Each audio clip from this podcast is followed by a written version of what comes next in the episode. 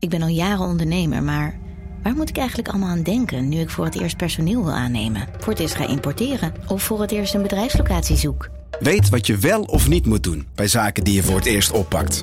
Check kvk.nl voor praktische stappenplannen. KVK, hou vast voor ondernemers. Hey podcastluisteraar. Ook op zoek naar een relevante invulling van je schaarse luisteruren? Tune dan in op de podcastserie ESG, even samengevat van BNP Paribas. Wij, Marloes en Aldert, spreken daar duurzame voorlopers en wereldverbeteraars. Waarover dan? Nou, bijvoorbeeld of we ooit duurzaam kunnen gaan vliegen. En waarom koeien in de stad nou een goed idee is? Dat en meer elke twee weken in een nieuwe aflevering. Dus abonneer je. ESG, even samengevat. Vanaf de redactie van NRC het verhaal van vandaag. Mijn naam is Thomas Ruip.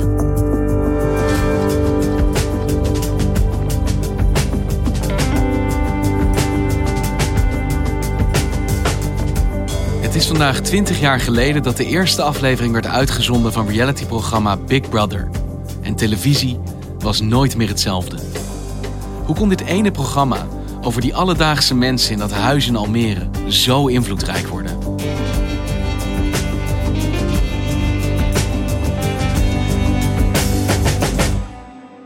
Eindelijk is het dan zover. Gisteravond werden de hoofdrolspelers van Big Brother voorgesteld aan het publiek. Ze worden 100 dagen opgesloten en dag en nacht met de camera gevolgd. Een woonkamer, twee slaapkamers en 24 onzichtbare camera's die 24 uur per dag alles registreren. Deelnemers worden 100 dagen lang bij elkaar opgesloten en continu gefilmd. Elke avond op primetime is er een samenvatting van de wederwaardigheden van die proefpersonen. Het is vandaag dus 20 jaar geleden, precies op de dag dat de eerste aflevering van Big Brother op televisie kwam. Ja, it was 20 years ago today. Het begin. Gaan we dan, hè? Ik ga links. Wauw. Brian. Nou, we zijn thuis. En we zijn helemaal thuis. Negen mensen werden in een huis gezet, gevangen gezet, 100 dagen lang. En om de zoveel dagen moest er iemand uitgestemd worden. Wilfred Takke is redacteur op de mediaredactie van NRC. Dus mensen thuis konden dan stemmen op wie eruit moesten. En die mensen werden genomineerd door de bewoners zelf. Het eh, Nederlandse volk, de kijkers, die bepalen door middel van stemrondes... wie uiteindelijk uh, met z'n drieën overblijft op de laatste dag van dit jaar. En uit de drie overgebleven bewoners gaan de kijkers weer stemmen... wie recht krijgt op de beloning. En dan helemaal op het eind was er eentje over en die kreeg een kwart miljoen gulden. Voor maar één van de bewoners is 250.000 gulden weggelegd. Wie mag in het huis blijven en wie vertrekt met lege handen? Toen ik net hoorde van we gaan een aflevering over Big Brother hebben, was het eerste wat ik zei Ruud. Natuurlijk Ruud. En toen zei iemand tegen mij: Ruud heeft helemaal niet gewonnen. En ik dacht, ik heb zo in mijn hoofd dat Ruud Big Brother gewonnen heeft. Ja, dat was het grote schandaal. Bart won. Ik moest even denken, oh ja, Bart. Die was ja, Bart was nog. een hunk, uh, een blonde ja, boyband, held. Uh, maar Ruud was verreweg het populairste. De Brabantse gezellige jongen die uh, even knuffelen zei en iedereen masseerde. En ja, eigenlijk de groep bij elkaar hield. Maar hij verloor. Dus we hebben Ruud, Bart, Bart Sabine. En Willem niet te vergeten, de, de nummer drie. Willem was de kok. En hadden we eerder zoiets al gezien in Nederland, zo'n programma als dit? Eigenlijk wel. Er was een voorloper, nummer 28. Een KRO-programma, begin jaren 90. En dat ging over een studentenhuis. De KRO had een studentenhuis gekocht en daar studenten ingezet. En die werden gefilmd. Zeven jongeren, acht maanden lang in één huis in Amsterdam. Ze kennen elkaar niet. MTV heeft dat daarna nagedaan, The Real World. This is the true story. True story. Seven strangers picked to live in a loft and have their lives taped. To find out what happens what when people stop being polite. Could you get the phone? And start getting real. The real world. En, heel belangrijk, Expeditie Robinson was al begonnen, 1997, in Zweden. I sju veckor ska de försöka överleva på en öde ö och vinnare av en kvarts miljon. Om vem som ska bli expeditionens Robinson. Daar werd een groep mensen op een onbewoond eiland gezet. En zoek het maar uit. Dat is eigenlijk heftiger dan Big Brother. Maar toch, Big Brother is voor iedereen het beginpunt van de grote reality hype die televisie zo veranderd heeft.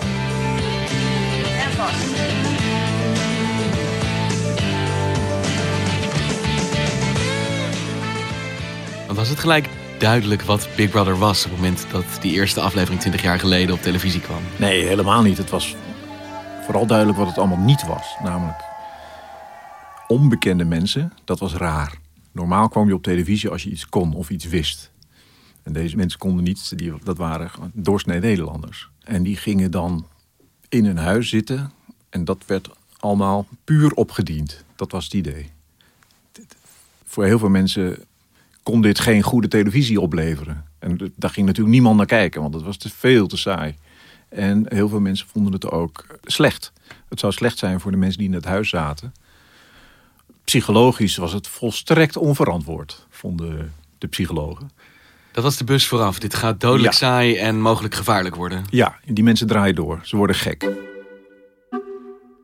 Eh, dat gevaar bestaat natuurlijk. Dat mensen op een of andere manier, door wat er in zo'n groep gebeurt, want er gebeurt natuurlijk ontzettend veel, beschadigd raken, gestresseerd raken, decompenseren. Die gevaren zijn er reëel. Dat roept meteen de vraag op of je dat wel moet doen. Ik vind het niet verantwoord. Eh, de reden is dat er een alles of niets beloning wordt gehanteerd... waardoor er eh, een competitieve sfeer gaat ontstaan, een sfeer van vijandigheid en agressie. Eh, de consequenties zijn daarom niet te overzien. Hier wordt alleen maar eh, de voyeuristische behoefte van de toeschouwer wordt eh, bevredigd. En voor de rest is het alleen maar eh, hoe krijgen we de mensen aan de buis. Het is handel en in die zin dicht in de buurt van immoreel. Ethisch is het natuurlijk walgelijk. Wat is er walgelijk Het is aan? gewoon terug, teruggaan in de jungle-tijdperk. Ja, maar dat is toch mag Springer ook? Dat is toch met Jerry Springer ook? Dat is toch... Jungle, ja, jij mag zeggen, jungle-tijdperk. Ja, absoluut. Wat je in beeld brengt hier, wat zij willen, is inderdaad zinloos gedrag ten top. En je mag alles met mij doen en je mag uitzenden, je mag me alles opnemen. Ik geef mijn hele leven aan Veronica. En dat gebeurt ook in een secte. Dus nu En- zeg je eigenlijk dat je het niet moet doen. Nee, ik vind zeker dat het niet moet gebeuren. Maar dat wil niet zeggen dat ik het niet een geweldig intrigerende ontwikkeling vind. Maar je vindt het wel interessant en intrigerend om Ja, te kijken. omdat het een, een standpunt Maar is. dat hebben we toch is- allemaal? Heb, heb jij dat niet? Nee, maar het is Nou, ik, nou, ik, Nee, ik maar zou, het is ik zou dus even... Was het gelijk raak? Meteen vanaf het eerste moment dat het op televisie was, werd het een hype? Ja, ja het, en het normaal is dat een kijkcijfer een beetje terugloopt na een tijdje. Hier bleef het alleen maar stijgen. Dus het begon met tegen de miljoen en eindigde met 3,5 miljoen kijkers. De eerste aflevering had gelijk een miljoen kijkers. En heel bijzonder was eh, internet. Je kon alles live op internet volgen. Thuis, op je computer thuis. Het was, er was heel erg veel over te lezen. NRC was vrij laat. Dit was typisch iets wat buiten het blikveld van de NRC gebeurde. Commerciële televisie, dat kon nooit goed zijn. Maar toen de laatste aflevering kwam, toen hadden we een heel katern over Big Brother en hoe bijzonder het was. Dus NRC is altijd wat later, maar dan krijg je ook meteen alles. Want hoe werd er vanuit de media gekeken naar dit programma? Want tevoren zeiden mensen dus van, nou, dit kan een hartstikke gevaarlijk experiment worden. Anderen zeiden bijna tegenovergestelde, nee, dit wordt dodelijk saai. Ja, het werd toch een beetje gezien als het einde van televisie. Televisie eh, draaide om eh, dat je vermaakt werd en dat je drama kreeg en geïnformeerd werd. En dat was dit allemaal niet. Kun je verklaren waarom het dan toch zo'n groot succes werd? Ja, nooit helemaal. Ik had het niet kunnen voorspellen. Maar ik denk dat het een soort kampvuurwerking heeft. Authenticiteit is ontzettend belangrijk geworden. Dat je het echte leven ziet. Echte mensen. En dat biedt normale televisie niet. Of normale televisie, de andere televisie. Daar is het allemaal gescript en geregisseerd en voorgekookt. En hier niet. Hier krijg je het te zien zoals het is. Met enorme aanhalingstekens eromheen. Want die discussie begon toen en loopt ook nog steeds. Wat is er real aan reality? Want zodra je er een camera op zet, dan is het dan niet echt meer. Het is al een onnatuurlijke situatie dat je in een huis zit opgesloten met, met eh, acht vreemden.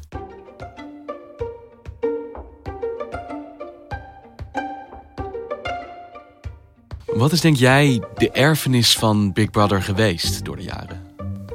Om te beginnen, Bi- Big Brother zelf, dat is niet eens een erfenis. Het bestaat nog steeds. Big Brother bestaat nog? Ja, in, in, al, in heel erg, in tientallen landen wordt het nog uitgezonden. Ook in Amerika. Dat was ook nog nooit gebeurd. Dat een Nederlands programma in 50 andere landen een succes werd. En nog steeds. En ze kwamen ook meteen kijken. Dus Amerikaanse televisiebazen kwamen hier kijken hoe het eh, er, eraan toe ging. En iedereen wilde dat hebben. En nog steeds. Overal op de wereld zijn eh, Big Brothers, worden Big Brothers uitgezonden. En ook daar is het e- eerst een grote schande. En ja, dan bent het weer en er wordt er van alles aan opgehangen. Dat is ook altijd leuk. Je ziet bijvoorbeeld in landen waar geen democratie is... wordt dit als een groot gevaar gezien door het regime... omdat de mensen vrij mogen stemmen. Dus in de Arabische wereld is dat geweest, in China. Chinese regering was als de dood voor Big Brother. Want ja, het volk mocht stemmen, dat was niet de bedoeling. En in Ara- Saudi-Arabië werden allemaal dingen besproken die je normaal niet bespreekt. Het ging over seks, eh, homoseksualiteit enzovoort. Allemaal van die taboe onderwerpen konden ineens in Big Brother. Het bijzondere aan Big Brother is het combineerde documentaire met soap. Je maakt de soap uit de werkelijkheid. Maar soap is voor in de vroege avond voor een niet zo'n grote, maar hele trouwe groep kijkers. Maar dit was prime time voor miljoenen mensen. Dus de verwachting was in Nederland dat dat dan met nieuwe seizoenen ook zo zou gaan. En dat was niet zo. Het werd een beetje normaal. En daarom zijn ze er denk ik mee gestopt. Het voldeed niet meer aan de verwachtingen van die eerste. En wat zijn de opvolgers van Big Brother geweest? Welke programma's zijn daarna gevolgd die er niet waren geweest zonder Big Brother? Onmiddellijk daarna had je de bus. Die ging in alles wat verder. Job, Job, wil je eventjes alsjeblieft niet zoveel over seks, seks praten? Dat doe ik helemaal niet. Want de bus, wat was de bus ook weer? Hetzelfde, maar dan in een bus. En van de concurrent. Bij de bus hadden ze al ontdekt dat je extremere types moet nemen. Want dat gebeurde daar wel. Waar Big Brother juist selecteerde op normaalheid, was de bus al bezig met extravagante Ja, types. meer vinden. ruzie, meer eh, lawaai, gedoe. De Gouden Kooi. Op een geheime locatie in het Gooi werd keihard gewerkt aan een gloednieuw televisieconcept.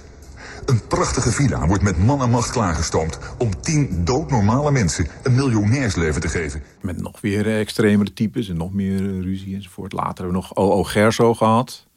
Zuipende jongeren, drank en seks. En dat het rare mensen moeten zijn. Het moeten gewone mensen zijn, maar toch wel weer rare mensen. Dat is volgens mij meer de trend geworden. Eh, Je hebt eh, programma's over mensen met een aandoening, mensen gehandicapten. Dat vinden we leuk. Of inderdaad extreme karakters. Dus het, is, ja, het heeft een enorme invloed gehad. En ontzettend veel navolging. Überhaupt dat er gelu- geluisterd werd naar gewone mensen. Dat, dat, dat de gewone man iemand werd om rekening mee te houden. Je ziet het ook in de politiek. De even later de opkomst van Pim Fortuyn. Iedereen eh, schrok zich dood van... oh jee, de, in, het, in het land, de gewone mensen... denken iets heel anders dan wij dachten dat ze dachten. Laten we eens naar ze gaan luisteren. Laten we... De gewone mens, de gewone stem Ja. voorop zetten in plaats van op de achtergrond laten klinken. En authenticiteit als, als doorslaggevende kwaliteit. Alles moet zo authentiek mogelijk zijn. Terwijl dat natuurlijk niet zo is. En ja, ik zie ook eh, de vloggers als kinderen van eh, Big Brother. Je laat je eigen leven zien. Zelf. Dat is wel een groot verschil, dat je het in eigen hand houdt. Je denkt de vloggers nu, dus jongeren die hun eigen leven filmen en dat op YouTube uitzenden. Ja, en wat me altijd opvalt is, is dat dat ook zo, zo dagelijks mogelijk moet zijn. Dus hoe, hoe dramatisch het leven van die mensen ook eigenlijk is, ze maken het zo daar. Het gaat over, ik ben opgestaan, ik heb ontbeten. Terwijl jij zou zeggen, je neemt de camera mee als je ergens naartoe gaat, je laat zien wat je gaat doen in plaats van dat Ja. je vertelt. En dan richt je hem niet op je eigen kop de hele tijd, want dat is niet zo interessant. Maar ja, dat, dat moet juist bij vloggers. Het zijn dagboeken. En dat is volgens mij toen bij Big Brother begonnen. En tevoren was er dus die angst, onder meer van psychologen, dat dit helemaal mis zou gaan. Dat, we- dat de menselijke geest zou bezwijken om constant gefilmd te worden, gezien te worden.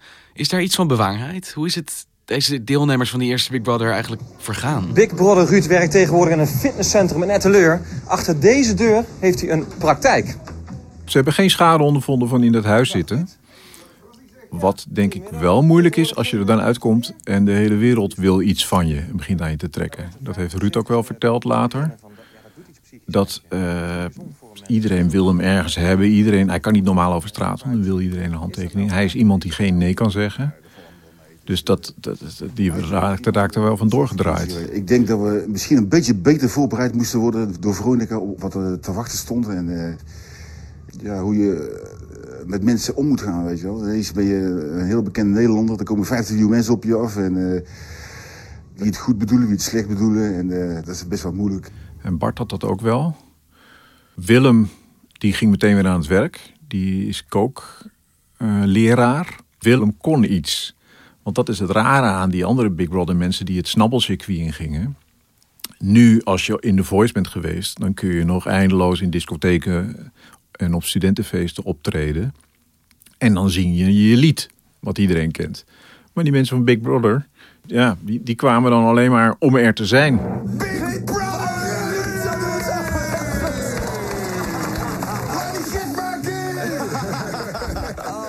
En ben jij afleveringen gaan terugkijken in voorbereiding op dit 20-jarige jubileum, op jouw artikel hierover? Ja, natuurlijk. Het is een fantastische site, Big Brother 1999, van een fan. Die heeft alles erop gezet. En op YouTube kun je de filmpjes erbij bekijken dan. Wat viel je op? Alles. Met uh, de kennis van nu als kijker van nu? Ja, nog steeds dat er gewoon niet zoveel gebeur gebeurt. Het heeft ook wel iets geruststellends. Dat je hebt uh, in, in de sociologie, psychologie veel van die, van die experimenten gehad. Van als we mensen nou in een extreme situatie plaatsen, dan gaan ze zich als nazi's gedragen. Dat was eigenlijk het idee. En dat blijkt eigenlijk niet zo te zijn. Eigenlijk gaan mensen vrij lief met elkaar om in zo'n situatie. En is het, wordt het een beetje saai. Saai, maar lief. Want je hebt bijvoorbeeld het Stanford Prison Experiment. Je zet ja. in de gevangenis, je geeft ze opdrachten en ze behandelen elkaar als beesten. Ja, dat, dat blijkt totale onzin te zijn. Het Stanford Prison Experiment was nog meer gefaked dan uh, de reality op tv. Het, eigenlijk gingen de cipiers gewoon gezellig uh, aan tafel zitten met de gevangenen. En dat, is, dat was ook het wereldbeeld. Van dat zo zijn mensen. De mens is de mens een wolf. En dat blijkt niet zo te zijn. Mensen zijn best lief voor elkaar.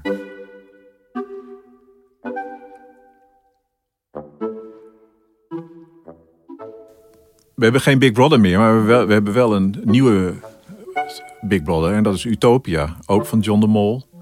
Ook weer ergens in het bos op een terrein. Een paar mensen gestopt in een, in een loods dit keer. Het, eigenlijk hetzelfde idee. En ik was een beetje teleurgesteld in Utopia. Omdat John de Mol had beloofd dat ze een nieuwe samenleving gingen bouwen. En dat gebeurde helemaal niet. Dat deed Praxis voor ze. Je zag al vrij snel praxismannetjes uh, door beeld lopen in de, in de, op, op, online. Terwijl ze hun eigen wereld zouden moeten opbouwen met ja, houten spijkers. Moeten bouwen. Ze bouwden helemaal niet. Ze gingen aan een tafel zitten praten. Uh, wat ik teleurstellend vond als kijker. Je moest ook een abonnee worden. Je moest een abonnement nemen op de website. Dus dat vond ik teleurstellend. Maar het is eigenlijk wel geruststellend voor de wereld. Dus als je een paar mensen bij elkaar zet... dan gaan ze nog steeds gewoon om een tafel zitten praten. Ze slaan elkaar niet de hersens in. Uh, er ontstaan geen intriges. Uh, Met een bijl. Nee. Geen cultus. Uh, ze gaan vergaderen. Ja, in Nederland wel. Gezellig. Je luisterde naar Vandaag. Een podcast van NRC. Eén verhaal. Elke dag. Dit was vandaag. Morgen weer.